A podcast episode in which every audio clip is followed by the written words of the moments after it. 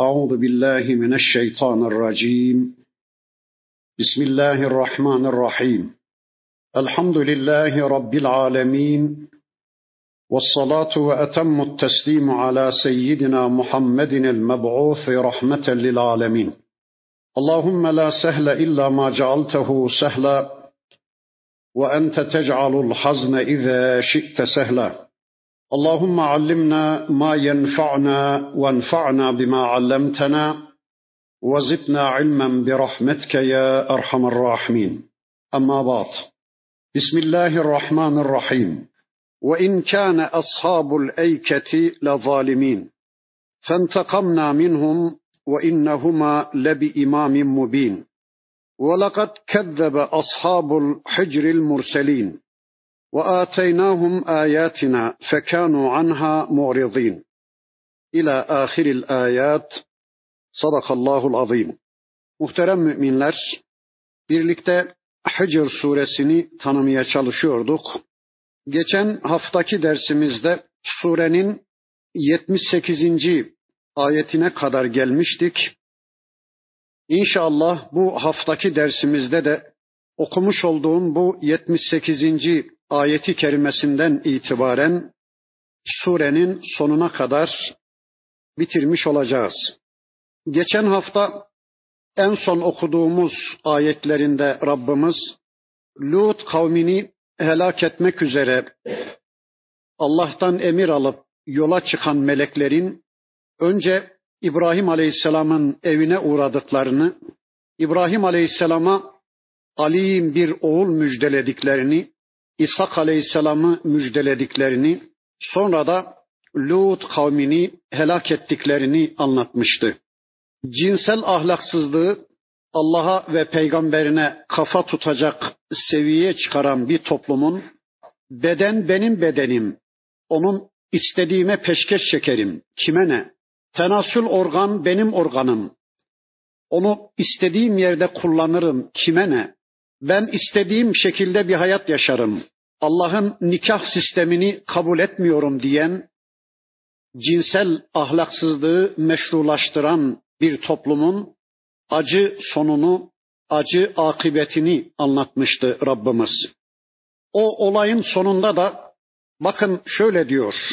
İnne fi zalike le ayatin lil mütesevvimin. Şüphesiz ki bu olayda, bu helak yasasında görüşü keskin olanlar için, bakışı düzgün olanlar için büyük ibretler var, büyük ayetler var. Ve inneha lebi sebilim mukim. Şüphesiz ki Lut kavminin kalıntıları işlek yolların üzerindedir. Ey Mekkeliler, sizler ticaret maksadıyla Şam taraflarına giderken Lut kavminin yaşadığı bölgenin kalıntılarını görmektesiniz. İşte o ülke şu anda işlek yolların üzerindedir. İnne fi zalike le ayeten lil mu'minin Şüphesiz ki bu olayda, bu helak yasasında müminler için büyük ibretler var, müminler için büyük dersler var. Şu anda yeryüzü kafirleri Atlaslardan Lut Gölü'nün adını değiştirmeye çalışıyorlar. Lut Gölü deyince insanlar Lut Aleyhisselam'ı hatırlarlar. Allah'ın gücünü, kudretini hatırlarlar. Allah'a kafa tutan bir toplumun helak yasasını hatırlarlar da belki imana yönelirler, Allah'a kulluğa dönüverirler korkusuyla Lut aleyhisselam gündeme gelmesin, Allah'ın helak yasası gündeme gelmesin diye Lut gölünün adını değiştirmeye, ölü deniz demeye çalışıyorlar. İstedikleri kadar insanlar onu örtüp örtbas etmeye çalışsınlar. Bakın Allah diyor ki o işlek yolların üzerindedir. Şu anda insanlık Lut gölünü bilmektedir. O gölün altında yatan iki büyük şehrin helak yasasını bilmektedir. Ama önceki derslerimizde şöyle bir cümle söylemiştim. Yeri gelmişken bir daha söyleyeyim diğer görsel ayetlerin fihristi konumunda olan şu Kur'an'ı okumayan bir kişi, Kur'an'la birlikte olmayan bir insan Kur'an'ın ayetlerinin bilincine ermeyen bir kişi Lut gölünün çevresinde oturmak şöyle dursun. Lut gölünün içinde yatıp kalksa bile Lut gölü onlar için çok fazla bir şey söylemeyecektir. Çok fazla bir anlam ifade etmeyecektir. Ama Allah'ın kitabıyla birlikte olan, Allah'ın bu ayetlerini tanıyan, sürekli kitap eşliğinde bir hayat yaşayan, kitapla düşünen müminler Lut gölü onlar için çok anlam ifade edecektir. Çünkü onlar görsel ayetlerin fihristi makamında olan Allah'ın ayetlerini tanımaktadırlar. Sosyal hadiseleri Allah'ın ayetleriyle değerlendirebilecek bir güçtedirler. İşte bakın Allah diyor ki inne fi zalike le ayeten lil mu'minin şüphesiz ki bu helak olayında bu helak yasasında müminler için ayetler var, ibretler var, dersler var. Bundan sonra Rabbimiz bir başka dosya daha açacak. Bir başka helak yasasıyla daha bizi karşı karşıya getirecek. Bakın şöyle buyuruyor. Ve in kana ashabul eyketi la zalimin. Eyke ashabı da şüphesiz zalimlerdendi. Eyke Medyen'in başkentidir. Çok sık ağaçlıklı bir bölge olduğu için bu bölgeye Eyke denmiş. Şu anda Medine ile Tebuk arasında bir bölgedir. İşte o bölge halkı da Eyke halkı da zalimlerden oldu diyor Rabbimiz.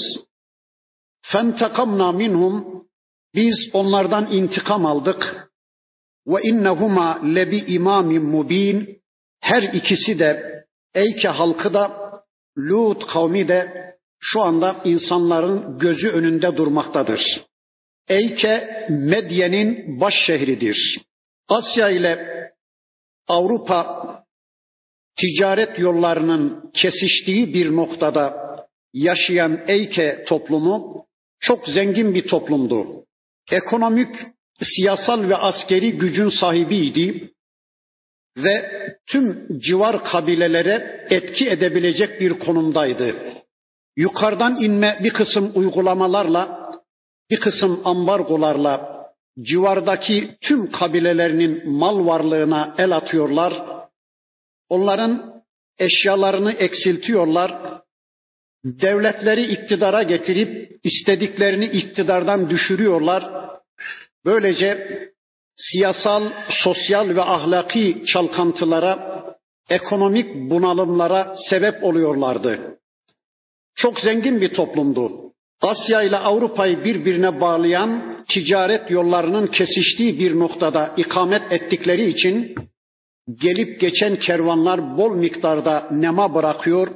Çok zengin bir toplumdu. Bakın Eykelilere Rabbimiz Kur'an'ın başka surelerinin beyanıyla Şuayb Aleyhisselam'ı elçi olarak gönderdi.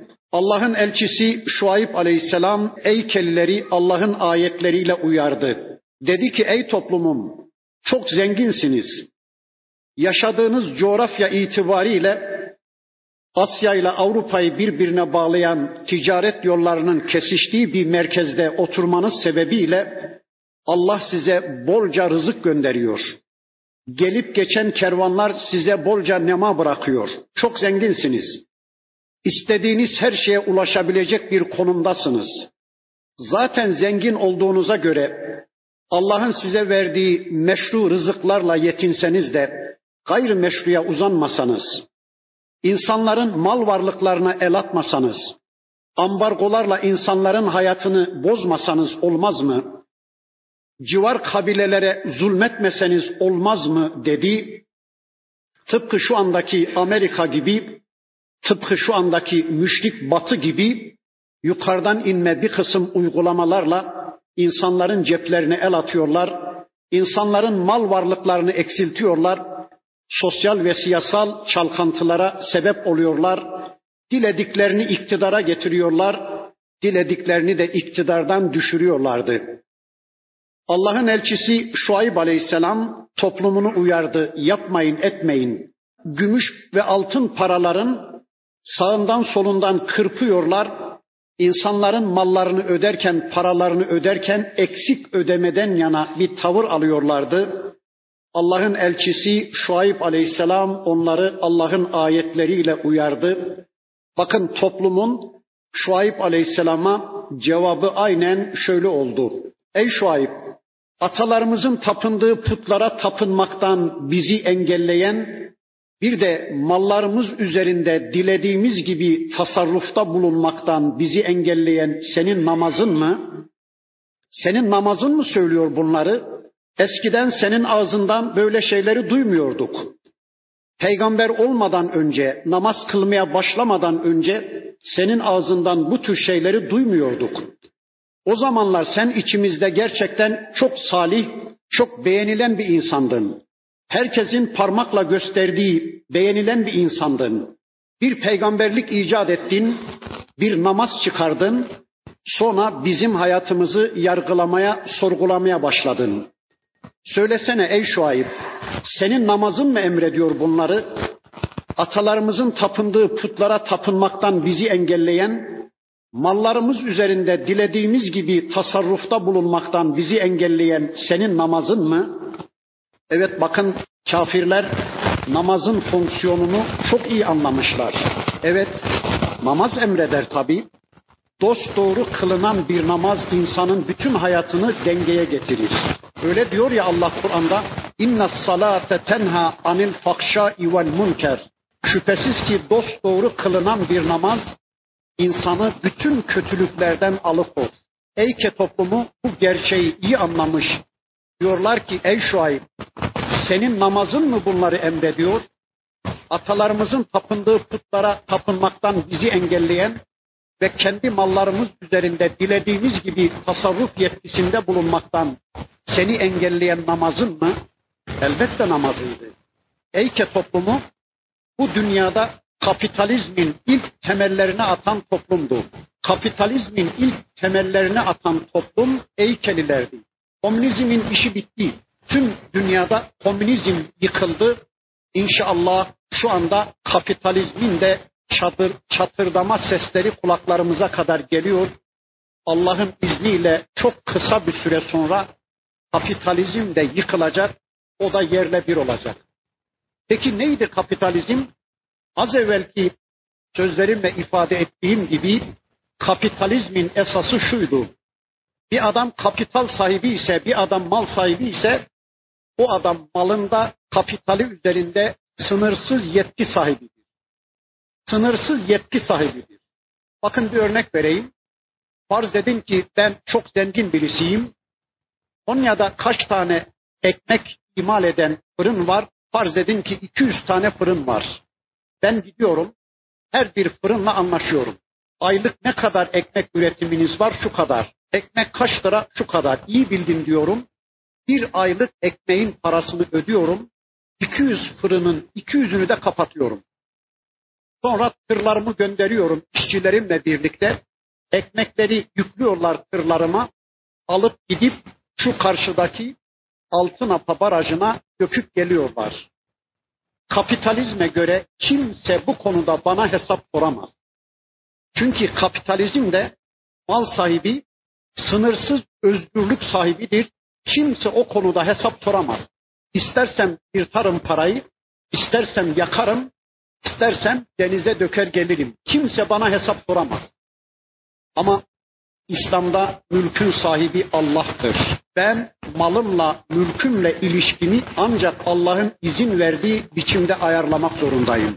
Az evvelki yaptığım şeyi yapmaya kalksam İslam devleti benim malıma el kor, buna fıkıhta hacır denir. Devlet benim malıma el kor, benim ve ailemin günlük haftalık yiyeceğim neyse onu bana verir, gerisine elimi bile dokundurmaz. Niye? Çünkü mülkün sahibi ben değilim ki, mülkün sahibi Allah'tır. Bakın diyorlar ki ey Şuayb, mallarımız üzerinde dilediğimiz gibi tasarruf yetkisinde bulunmaktan seni engelleyen namazın mı? Evet Müslümanın namazı tüm hayatını dengeye getirir. Dinlemediler Allah'ın elçisi Şuayb aleyhisselamı. Bakın Allah diyor ki fentekamna minhum biz de onlardan intikam aldık. Nasıl bir intikam? Kur'an'ın başka bir suresinin beyanıyla onlara bir gölge azabı, bir bulut azabı gönderdik diyor Allah. Şuayb Aleyhisselam toplumunu üç gün sonra gelecek bir azapla tehdit eder. Hadi bakalım üç gün daha yaşayın. Üç gün daha zıkkımlanın bakalım. Üç gün daha evlerinizde yaşayın. Üç gün sonra Allah'ın azabı gelecek diye azabın zamanını da belirledi Şuayb aleyhisselam. Üç gün geçti. Toplumda yine bir tevbe, yine bir değişim yoktu. Karşıdan bir bulut çıktı. Simsiyah bir bulut. Şuayb aleyhisselam korktu, ürktü, ağlamaya başladı. O Allah'ın nasıl intikam aldığını bilen bir Allah elçisiydi. Döndü toplumuna dedi ki ey toplumum şu ana kadar tevbe etmediniz. Allah'la barışık bir hayata yönelmediniz. Ne olur son fırsatınız bak Allah'ın azabı geliyor bulut karşıdan çıktı. Tevbe edin ne olur Allah'a kulluğa dönüverin dedi. Ama toplum Allah'ın o bulut azabını yanlış yorumladı. Dediler ki yalan söylüyorsun ey Şuayb. O bulut azap değil bizim tarlalarımıza rahmet getiriyor. O bulut bizim arazilerimize yağmur getiriyor dediler. Sonra o buluttan dondurucu bir rüzgar çıktı. Her şey donu verdi, taş kesili verdi. Sadece Şuayb aleyhisselam ve ona iman eden bir avuç Müslümanı Allah kurtardı. Gerisini tamamen helak edip yok ediverdi. Ve innehuma lebi imamin mubin. İşte her iki toplum da bir önceki bölümde anlatılan Lut kavmi de işte ey Keliler de ey Mekkeliler gözlerinizin önündedir ey dünyalılar sizler bu iki toplumun kalıntılarını o bölgelere yaptığınız seyahatlerde görmektesiniz. Bir başka dosya daha açıyor Rabbimiz. Bakın diyor ki وَلَقَدْ كَذَّبَ ashabul hicril murselin. Hicr ashabı da bizim elçilerimizi yalanladı. Hicr Semud kavminin başkentidir. O da yine Medine'ye yakın bir bölgede yaşamış bir toplum. Semud kavmi. Ben o bölgeye gittim. Umre'ye gittiğimde Medine Üniversitesi'nde okuyan talebeler 300 kilometrelik çölün ortasına arabayla beni götürdüler. Semut kavminin yaşadığı o kayalık bölgeyi bizzat gözlerimle gördüm. Kayaların içine girmişler, mağara evleri yapmışlar kendilerini güvene almak için. O mağara evlerini boyamışlar. Nasıl bir boyayla boyamışlarsa hala canlı, boyalar canlı bir biçimde duruyor. Hatta şehrin ortasında Salih Aleyhisselam'ın devesinin su içtiği kuyu bile duruyordu. Kör bir kuyu şeklinde ben gördüm. Bakın o topluma Semud kavmine Rabbimiz Salih Aleyhisselam'ı elçi olarak gönderdi.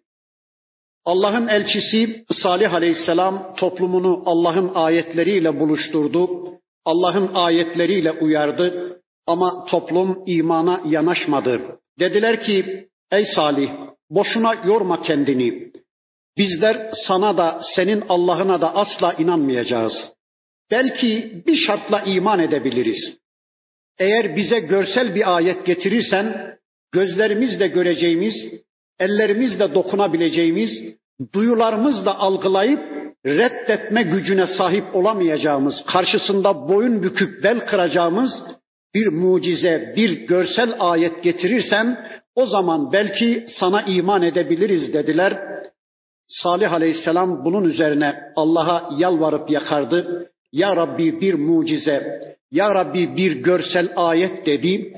Rabbimiz buyurdu ki ey Salih toplumunu al az evvel sözünü ettiğim o kayalık bölgeye götür dedi. Salih Aleyhisselam aldı toplumunu o kayalık bölgeye götürdü. Bakın şu kayaya dedi. Böyle dağ gibi kayalık bir bölge.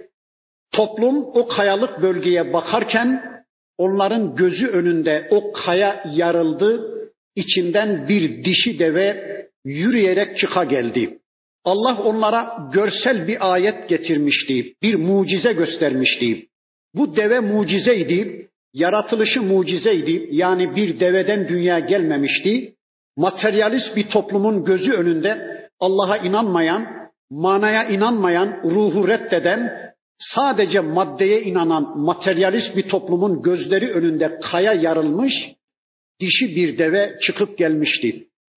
Elbette şu andaki develer de mucize. Onlar da birer Allah ayeti ama bu deve onlardan biraz daha farklı bir deveydi. Çok büyük bir deveydi. Az evvel sözünü ettiğim şehrin ortasındaki kuyunun suyunu bir gün o deve içecek, kavim içmeyecek. İkinci gün deve içmeyecek, toplum içecekti kuyunun suyunu. Ama o deve bir gün önce içtiği suyu süte çevirecek karnında, bütün topluma süt diye ikram edecek, bütün kavmi doyuracaktı sütle. Gerçekten mucize bir deveydi. Bu devenin varlığı toplum için bereketti, hayırdı, hayırlıydı. Ama kafirlerin gözü ters ayarlandığından, kafirin mantığı ters olduğundan o deveye tahammül edemediler. O deveyi Salih Aleyhisselam'ın mucize devesini öldürüverdiler. Bunun sadece iki sebebinden söz edeyim. Bir tanesi o deve bir gün kuyunun suyunu içecek, ertesi gün o suyu süte çevirip bütün kavmi doyuracaktı. Suyu bloke etmiş, suyu ve sütü satmaya alışmış materyalist insanların o devenin bedava insanlara o suyu süt diye ikram etmesine tahammül etmeleri mümkün değildi. Sütü satmaya, suyu satmaya alışmış insanların bedava o deve tarafından sütün insanlara ulaştırılmasına tahammülleri mümkün değildi. O devenin öldürülüşünün birinci sebebini söyledim. İkinci sebebi de inşallah ağır ağır söyleyeyim. Bakın o deve Salih Aleyhisselam'ın devesi bir Allah ayeti olarak, bir mucize olarak toplumun içinde, şehrin içinde gezip dolaşınca görenlere hep Allah'ı hatırlatacaktı. Çünkü devenin yaratılışı mucizeydi. O deveyi gören herkes Allah'ı hatırlayacak, Allah'a kulluğa yönelecekti. Halbuki kafirler yeryüzünde insana Allah'ı hatırlatan bir ayetin, bir görüntünün, bir sembolün varlığına asla tahammül edemezler. Yeryüzünde insana Allah'ı hatırlatacak bir ayet, bir sembol, bir işaret varsa kafirler onu örtüp örtbas etmeden yana onu silip defterini dürmeden yana bir tavır alırlar. Bakın şu anda başörtüsü bir Allah ayetidir. Başı örtülü bir kadını gördüğü zaman bir insan Allah'ı hatırlar, Allah'ın ayetini hatırlar. İşte yeryüzünde insanlara Allah'ı hatırlatacak, Allah'a kulluğu hatırlatacak bir Allah ayeti olan başörtüsünü silmek için, toplumda örtüp örtbas etmek için Tüm yeryüzü kafirleri harekete geçiyorlar. O Allah ayetini örtüp örtbas etmeye çalışıyorlar. Neden? Çünkü bir toplumda başı örtülü bir müminenin varlığı diğerlerinin açıklığını ortaya koyar da ondan. Şu cümleyi daha önce defalarca söylemiştim. Yeri gelmişken bir daha söylemek zorundayım. Bir okulda düşünün bin öğrenci var. 999 talebe başı açık geliyor. Bir tane kız çocuğu farz edin ki başı örtülü. O 999 bir tek başı örtülünün varlığına asla tahammül edemezler. Onu yok etmek için ellerinden gelen her şey yaparlar. Niye? Çünkü o okulda bir tek başı örtülü müminenin varlığı diğerlerinin açıklığını ortaya koyar da ondan toplumda namaz kılan bir tek müminin varlığı berikilerin namazsızlığını açığa çıkardığı için namazsızlar bir tek namaz kılan insanın varlığına tahammül edemezler. Bir dairede bin tane memur var. 999'u rüşvet diyor. Farz edin ki bir tane Müslüman memur rüşvet yemiyor. O 999 kişi bir tane rüşvet yemeyen Müslümanın varlığına tahammül edemez. Onu yok etmek için elinden gelen her şey yaparlar. Niye? Çünkü onun varlığı berikilerin rüşvetçiliğini açığa çıkarır da ondan. Yeryüzünde Müslümanın varlığı küfrün programına engeldir. Yeryüzünde bir tek Müslüman varsa o kafirin küfrünü açığa çıkardığı için yeryüzü kafirleri yeryüzünde bir tek Müslümanın varlığına tahammül edemezler. İşte şu anda yeryüzü kafirlerinin tüm Müslümanlar yeryüzünden silininceye kadar bizim savaşımız sürecektir diye Müslüman kanı dökerken hedefleri budur. Çünkü yeryüzünde Müslümanın varlığı küfrün varlığına engeldir. Küfrün kafirliğini ortaya koyan olduğu için bu savaş kıyamete kadar da yeryüzünde bitmeyecektir. İşte bakın o deve bakan kimselere Allah'ı hatırlatıyor. Bir Allah ayeti, bir Allah sembolüydü. Semut kavminin kafirleri o devenin varlığına tahammül edemediler ve o deveyi öldürdüler. Bakın Allah diyor ki ve ateynahum ayatina biz böylece onlara ayetlerimizi gönderdik ama fekanu anha muridin onlar bizim ayetlerimizden iraz ettiler. Bizim ayetlerimizden yüz çevirdiler Bizim ayetlerimizle ilgilenmediler. Ve kanu yenhitun min el cibali buyuten aminin. Onlar o Semut kavmi kendilerini güvene almak için o kayaları yontmuşlar, dağların içine kadar girmişler, mağara evleri yapmışlardı. Allah öyle diyor. وَكَانُوا يَنْحِتُونَ مِنَ الْجِبَالِ بُيُوتًا aminin. Kendilerini Allah'tan gelebilecek bir helak yasasına karşı emniyeti almak için, güvene almak için dağların içine kadar girmişler, mağara evlerine girmişler, orada bir hayat yaşamaya başlamışlar. Bakın kendilerinden önce iki toplumun Allah'ın bir helak yasasıyla yok edildiğini biliyordu Semut kavmi. Dedeleri Ad kavmiydi. Allah onlara sarsar denen bir rüzgar göndermiş. Yedi gün sekiz gece o rüzgarı onlara musallat edivermiş. Ad kavmi 30-40 metre boyundaki insanlar içini kurt yemiş hurma ağaçları gibi gümbür gümbür devrili verdiler. Allah onları öylece helak etti. Dedelerinin dedeleri de Nuh kavmiydi. Yani bir önceki dedeleri de Nuh kavmiydi. Allah Nuh kavmine de bir tufan göndermiş. Gökten yağmurlar indirmiş, yerden sular fışkırtmış, yeryüzünü sularla kaplamış. Nuh kavmini de öyle helak etmişti. Bakın üçüncü toplum Semut kavmiydi. Dedelerinin Ağat kavminin sarsar denen bir rüzgarla bir önceki dedelerinin de tufanla yok edildiğini bilen bu toplum oturup kendi aralarında bir ders çıkarmışlar. Bakın çıkardıkları ders de şuydu. Diyorlar ki atalarımız yanlış yaptı. Biz onların yanlışına düşmeyelim. Neymiş atalarının yanlışı? Onlar diyorlar mesela Nuh kavmi, mesela Ad kavmi onlar evlerini düzlüklerde kurdular ovalarda kurdular. Allah'ın ayetleriyle baş edemediler. Allah'la savaşımlarında pes ettiler. Biz öyle yapmayalım. Biz atalarımızın yanlışına düşmeyelim. Biz evlerimizi düzlüklerde, ovalarda kurmayalım. Dağları yontup dağların içine kadar girelim. Kayalıkların içine kadar girelim. Orada Allah'la savaşımızı rahat sürdürebiliriz. Allah'ın hiçbir ayeti bizi etkileyemez, Allah bizi yok edemez dediler. Bakın böyle bir ders çıkardılar. Şöyle deseler daha iyi olmaz mıydı? Ya atalarımız yanlış yaptı. Onlar Allah'la çatışma içinde bir hayatı tercih ettiler. Onlar peygamberleri reddettiler. Böylece Allah'ın helak yasasının mahkumu oldular. Biz öyle yapmayalım. Biz onların düştüğü yanlışa düşmeyelim. Biz Müslüman olalım. Biz Allah'la barışık bir hayat yaşayalım. Biz Allah'ın elçilerini reddetmeyelim. Allah'ın elçileri istikametinde bir hayat yaşayalım. Böylece kendimizi garantiye alalım. Kendimizi Allah'ın helak yasasından kurtaralım diyecekleri yerde böyle bir ders çıkaracakları yerde hayır dediler. Allah'ın ne rüzgar ayeti, Allah'ın ne yağmur ayeti bize hiçbir şey yapamaz dediler. Kendilerini emniyete almak için dağların içine kadar girip Oralarda mağara evleri yaptılar.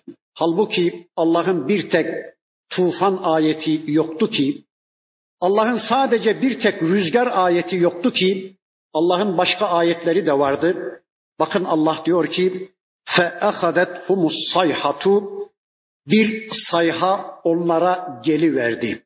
Bir sayha, bir çığlık mı, bir feryat mı? Cebrail aleyhisselamın geberin diye bir çığlığı, bir feryadı mı? Yoksa bir titreşim mi, bir ses bombası mı? Yoksa bir deprem mi ne olduğunu bilmiyoruz.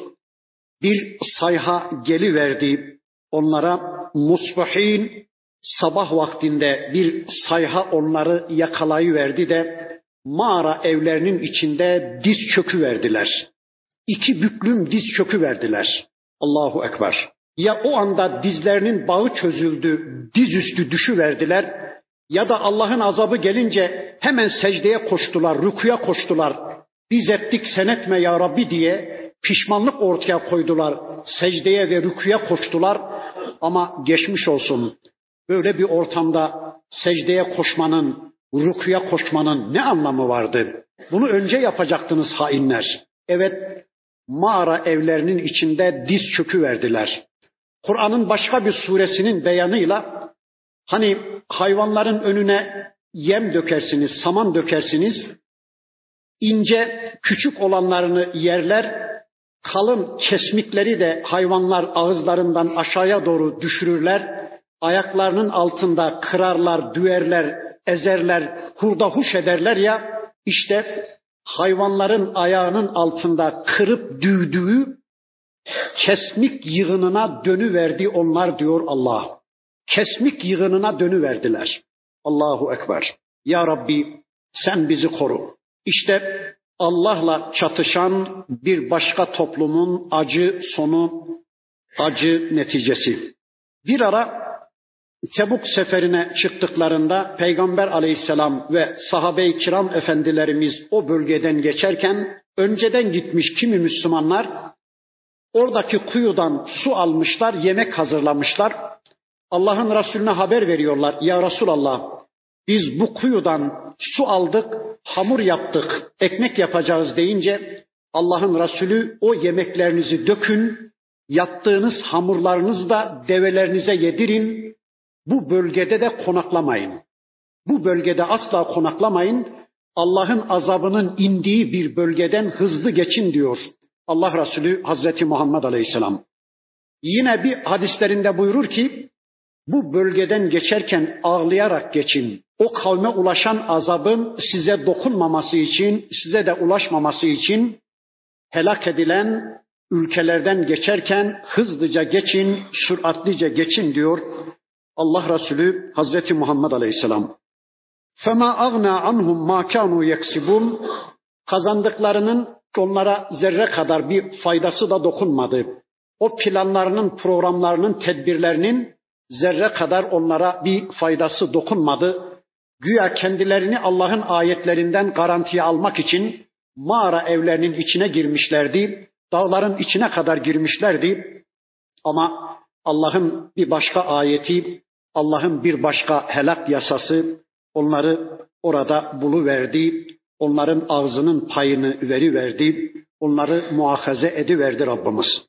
وَمَا خَلَقْنَا السَّمَاوَاتِ وَالْأَرْضَ وَمَا بَيْنَهُمَا إِلَّا بِالْحَقِّ Biz gökleri ve yeri ikisi arasındakileri hak ile yarattık. Göklerde, yerde ve ikisi arasındakilerde hak yasalar egemendir. Onlar hak yasalara istinad etmektedir. Onlar asla batıl olsun diye, eğlence olsun diye, oyun olsun diye yaratılmamıştır. Dolayısıyla gökler, yer ve ikisi arasındakiler tevhide işaret etmektedir. Tevhide delillik etmektedir.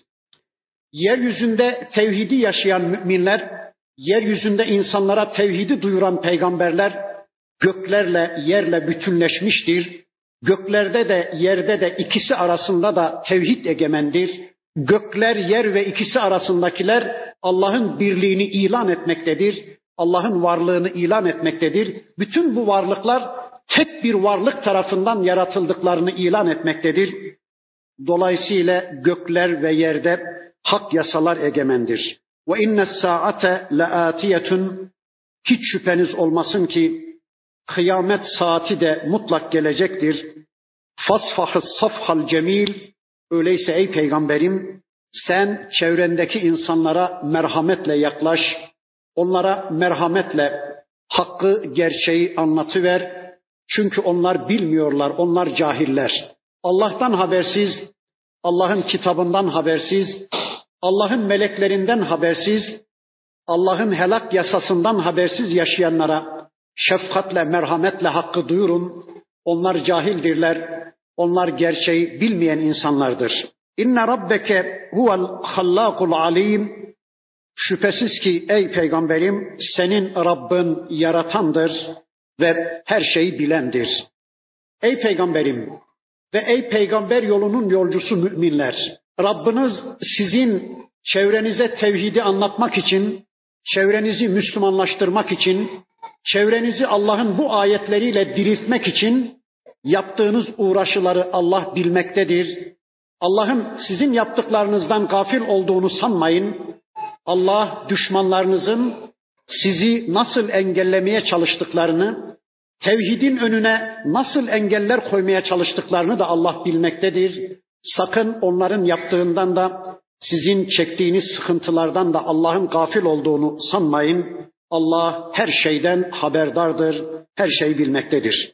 وَلَقَدْ آتَيْنَاكَ سَبْعًا مِنَ الْمَثَانِ وَالْقُرْآنِ الْعَظِيمِ Ey Peygamberim, şüphesiz ki sana tekrar edilen yediği bir de Kur'an-ı Azim'i verdik. Ey Peygamberim, şüphesiz ki sana tekrar edilen yediği ve bir de Kur'an-ı Azim'i verdik. Bakın Rabbimiz bu ayeti kerimesinde Peygamber aleyhisselama ve onun şahsında müminlere verdiği nimetlerin en büyüğünden söz ediyor. Sana tekrar edilen yediği ve bir de Kur'an-ı Azim'i verdik. Buradaki tekrar edilen yediden kasıt Fatiha suresidir. İmam Buhari Efendimiz buradaki tekrar edilen yedinin Fatiha suresi olduğunu söyler. Fatiha suresinin yedi ayeti vardır. Besmele de Fatiha suresinden bir ayettir. Böylece Fatiha suresinin yedi ayeti var ve Fatiha suresi sürekli tekrar edilir. Her namazın her rekatında Fatiha suresi tekrar edilir. İster farz namazlar olsun, ister nafile namazlar olsun, her namazın her rekatında Fatiha suresi sürekli tekrar edilir. Bir de yine Peygamber Aleyhisselam'ın bir başka hadislerinin beyanıyla Fatiha suresi Ummul Kur'an'dır. Kur'an'ın anasıdır. Kur'an'ın tümü Fatiha suresinde özetlenmiştir. Dolayısıyla öteki surelerin her birerinde zaten Fatiha suresi tekrar edilmektedir. Peygamberim biz sana tekrar edilen yediği bir de İbn Abbas Efendimizin bir beyanı var. Tekrar edilen yediden kasıt diyor İbn Abbas Efendimiz Bakara suresi, Ali İmran suresi, Nisa suresi, En'am suresi, Araf suresi, Tevbe ve Enfal suresi şeklinde anlamış. Tekrar edilen yedi onlardır diye anlamış İbn Abbas Efendimiz. Kur'an'ın ilk müfessiri olduğu için saygı duydum. Onu da sizinle paylaşmak istedim. Bakın bu ayetinde Allah ne anlatıyor? Peygamber Efendimiz'e ve onun şahsında biz müminlere verdiği nimetlerinin en büyüğünü anlatıyor. Bakın ey Müslümanlar, şu anda Müslümanlar olarak Allah'ın bize en büyük nimeti Kur'an'dır. Çünkü diğer nimetlerin tümüne bizi ulaştıran Kur'an'dır. Hanım nimeti mi, koca nimeti mi, evlat nimeti mi, mal nimeti mi, cennet nimeti mi, namaz nimeti, oruç nimeti mi, tesettür nimeti, haya nimeti mi? Bu nimetlerin tümüne bizi ulaştıran şu Kur'an'dır. Biz o nimetlerin tümüne Kur'an sayesinde ulaşmaktayız. İşte bakın Rabbimiz Peygamber aleyhisselama diyor ki ey peygamberim sana biz Fatiha suresini ve Kur'an-ı Azim'i verdik ki o nimet dünyalara bedel bir nimettir.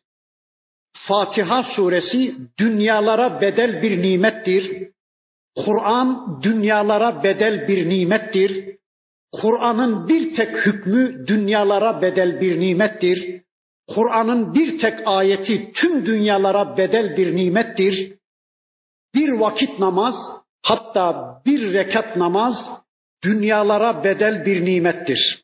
Onun için ey peygamberim ve ey Müslümanlar size böyle bir nimet verildiğine göre bakın Allah diyor ki La temuddenne ayneyke ila ma metta'na bihi ezvacen minhum. Öyleyse ey peygamberim sen böyle bir nimete sahip iken dünyalara bedel bir vahiy nimetine, Kur'an nimetine sahipken sakın şu kafirlerin ellerindekilerine gözünü dikme. Ya Rabbi şu mallar, mülkler, şu ekonomik, siyasal ve askeri güçler bu kafirlere verildi de niye bize verilmedi? Niye bana verilmedi? Niye Müslümanlara verilmedi diye sakın ey peygamberim ve la tahsen aleyhim onlar üzerine sakın mahzun olma, sakın üzülme. Kafirin oldum olası bir dünya hayatı var. Geberdiği andan itibaren cehenneme gidiyor. Müminin yarım hurması olsa, yarısını bölüp bir kardeşiyle paylaşsa, yarım hurma mümini cennete götürüyor. Yarım hurma mümini cehennemden kurtarıyor. Ama kafirin iki dünyası olsa diyor Kur'an, yarın o iki dünyayı fidye olarak verse onu cennete götüremeyecek, onu cehennemden kurtaramayacak. Öyleyse Allah için söyleyin, kafire mi çok nimet verilmiş yoksa Müslümana mı? Müslümana o kadar çok nimet verilmiş ki Müslümanın yarım hurması onu cennete götürüyor ama kafirin iki dünyası onu cennete götürmüyor. Zuhruf suresinde bir ayet vardı. Onu da mealen söyleyeyim. Allah diyor ki eğer insanların tek ümmet olacaklarını bilmeseydim ben kafirlerin evlerinin tavanlarını altından merdivenlerini, eşiklerini gümüşten yapardım. Eğer insanların tek ümmet olacaklarını bilmeseydim ben kafirlere çok daha fazlasını verirdim. Nasıl tek ümmet olacaklarını bilmeseydim diyor Allah. Yani eğer ben kafirlerin evlerinin tavanlarını altından, eşiklerini gümüşten yapsaydım, çok fazla dünyalık ve servet verseydim, Müslümanlar da küfre meylederler. Yahu bütün keramet demek ki kafirlikte. Bak kafirler bu kadar zengin, biz de kafir olalım diye Müslümanların da küfre meyledeceklerini, kafirliğe yöneleceklerini ve sonunda tek ümmet olacaklarını bilmeseydim ben kafirlere çok daha fazlasını verirdim diyor Allah. Niye vermemiş? Niye kafirlerin tavanlarını altın, eşiklerini gümüş yapmamış? Dünyayı çok değerli bulduğu için değil. Sineğin kanadı kadar Allah katında dünyanın bir değeri olsaydı Allah kafire dünyadan bir yudum su vermezdi diyor peygamberimiz. Allah da bu ayetinde diyor ki eğer ben kafirlere çokça vermediysem dünyayı kıymetli bulduğum için, değerli bulduğum için değil, sizin de küfre meyledeceğinizi, sonunda müminlerin de kafirleşi vereceğini bildiğim için kafirlere çok fazla bir şey vermedim diyor Allah. Evlerinin tavanları altından, eşikleri gümüşten olmadığı halde, çok fazla verilmediği halde bile bakın ki şu anda insanların, Müslümanların gözü kafirlerin malında, gözleri kamaşıyor zavallı Müslümanların. Kafirlerin gücü karşısında şahsiyetleri bozuluyor. Keşke biz de onların yerinde olsaydık. Keşke o mallar, mülkler bizlerde de olsaydı diye Müslümanların şu anda kafirlere imrendiklerini görüyoruz. Çok fazla bir şey vermediği halde. Aslında bir önceki surede okumuştuk. Ne demişti Allah? Kafirin amelleri, kafirlerin ortaya koyduğu her şey fırtınalı bir günde rüzgar tarafından savrulan bir kül yığınına benzer diyordu ya Allah. Yarın savrulup gidecek kıyamet gününde o kafirlerin eline zerre miktar bir şey geçmeyecek diyordu ya. İşte kesinlikle kafirlere imrenilmez.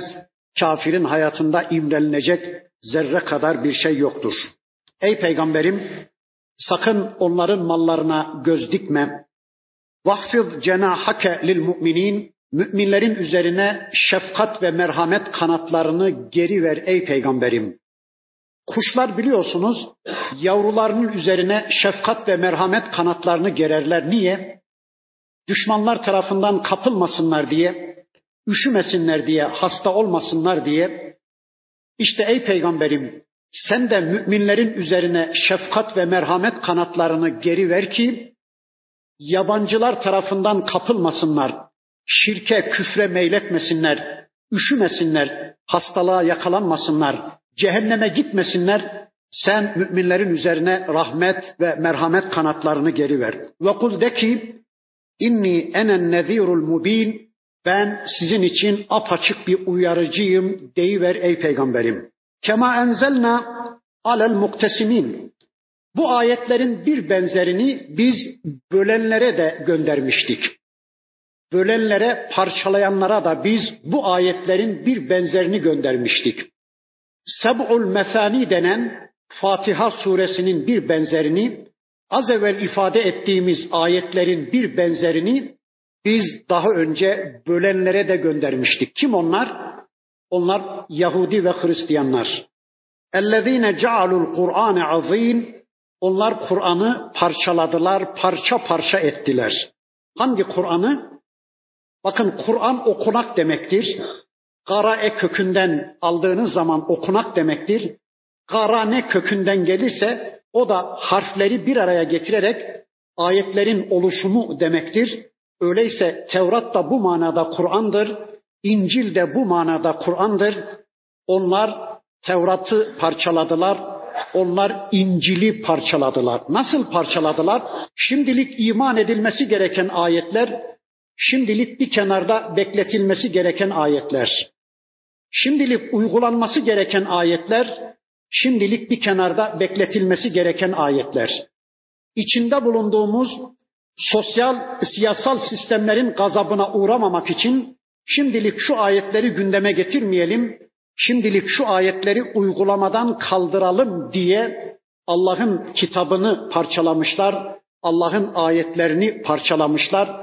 Bir kısmının mümini olmuşlar, bir kısmının kafiri olmuşlar.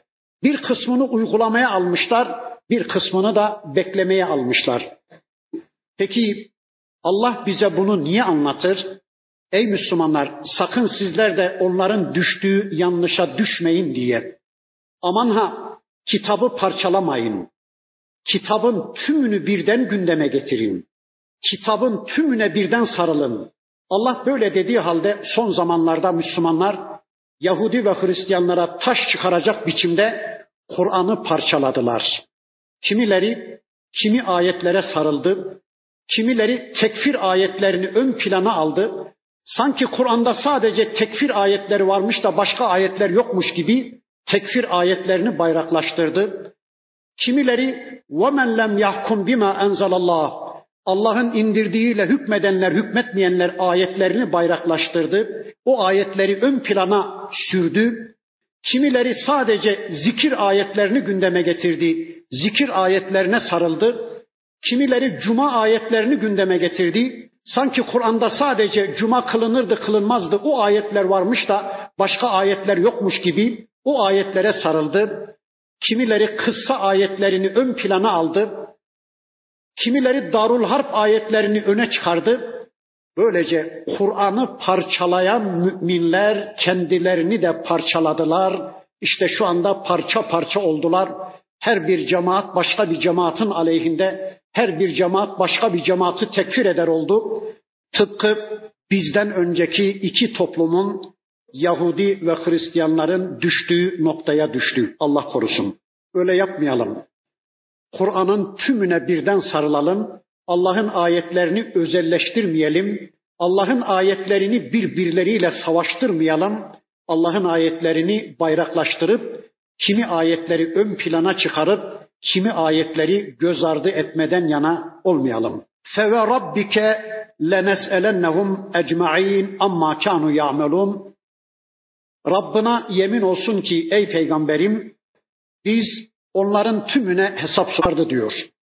O olayı bana alıştırıverdi. Rabbim bana bir sabır verdi. Beni kurtardı diyor. Öyleyse bunaldığınız, daraldığınız zaman hemen namaz kılın. Son ayet okuyup bitiriyorum. وَعْبُدْ رَبَّكَ hatta يَأْتِيَكَ yakin. Bir de ey peygamberim sana yakın gelinceye kadar Rabbına ibadet et. Sana yakın ulaşıncaya kadar. Yakın ne? Kimi sapıklar bunu şöyle anlamaya çalışmışlar. Yakînden kasıt marifet bilgisine ulaşmaktır. Fena fillah noktasına erişmektir. Allah diyor ki ey peygamberim marifet bilgisine ulaştığın anda, Allah bilgisine ulaştığın anda yani Allah'la ahbaplaştığın, balta sapını kesmez mantığıyla Allah'la bütünleştiğin anda namaz da biter, oruç da biter, tüm kulluklar bir kuldan sakıt olur şeklinde anlamışlar. Son derece sapıkça bir anlayış. Öyle demiyor Allah. Öyle demiyor. Ey peygamberim sana yakın gelinceye kadar ibadet et derken sana ölüm gelinceye kadar Rabbına kulluk et diyor. Ayetin manası bu. Delil bakın Kur'an'dan iki ayet okuyayım. Bir tanesi Müddessir suresinin son bölümündeki ayetler. Bakın Allah diyor ki cehennemlikler cehennemin kapısının ağzına gelmişler. Cehennem zebanilerinin emiri olan Malik şöyle bir bakmış. Gök yer insanla dolmuş cehennemin kapısının ağzında bakacak ki Malik Müslümanlar da var. Cehennemin kapısının ağzında dünyada Müslüman görünen namaz kılan insanlar da var.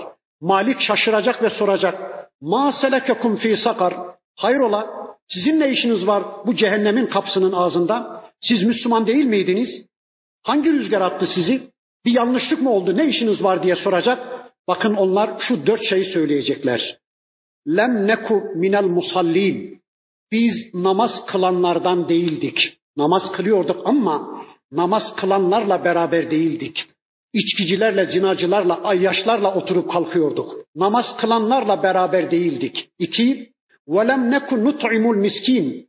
Biz dünyada miskinleri de doyuranlardan değildik. Aman dikkat edin bu noktalara. Üç, kunna nahuzu ma'al haidin. Bir de biz dünyada boş şeylere, batıl şeylere dalanlarla birlikte dalıyorduk. Dünyamızı ve ukbamızı ilgilendirmeyen boş şeylere daldıkça dalıyorduk. Attan, avrattan, fiyattan, murattan, marktan, dolardan, saptan, samandan, geçimden, seçimden dünyamızı ve ukbamızı ilgilendirmeyen boş şeylerden konuşmaya dalıyorduk. Dört, ve kunna nukezzibu bi yevmiddin. Bir de biz din gününü yalan sayıyorduk. Böyle bocalayıp giderken hatta etanel yakin bize ölüm geliverdi. Tevbe edemeden işte kendimizi bu cehennemin kapısının ağzında bulduk. Yakin neymiş bu ayete göre? Ölüm. Bir ayette okuyayım. O da İsa Aleyhisselam'dan. Diyor ki İsa Aleyhisselam ve avsani bis salati ve zekati ma dumtu hayya. Ben hayatta olduğum sürece, nefes alıp verdiğim sürece bana namazı ve zekatı Rabbim vasiyet etti. Ne zamana kadar? Ölünce namaz da biter, ölünce oruç da biter, ölünce ibadet de biter. Değilse marifet bilgisine ulaşıncaya kadar Allah'a ibadet et ey peygamberim şeklinde anlamış kimi sapıklar.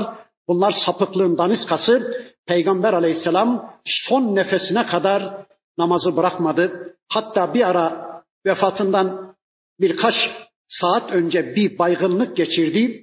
Kendine gelir gelmez namaz ne oldu? Namaz vakti geçti. İlk sorduğu şey namazdı.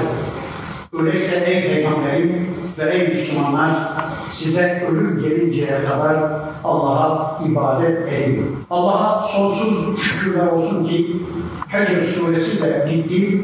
Önümüzdeki haftadan itibaren inşallah Nahl suresiyle karşı karşıya geleceğiz. O sureyi tanımak için de tekrar bir araya gelmek üzere Allah'a emanet olun. Subhaneke Allahumma ve bihamdik.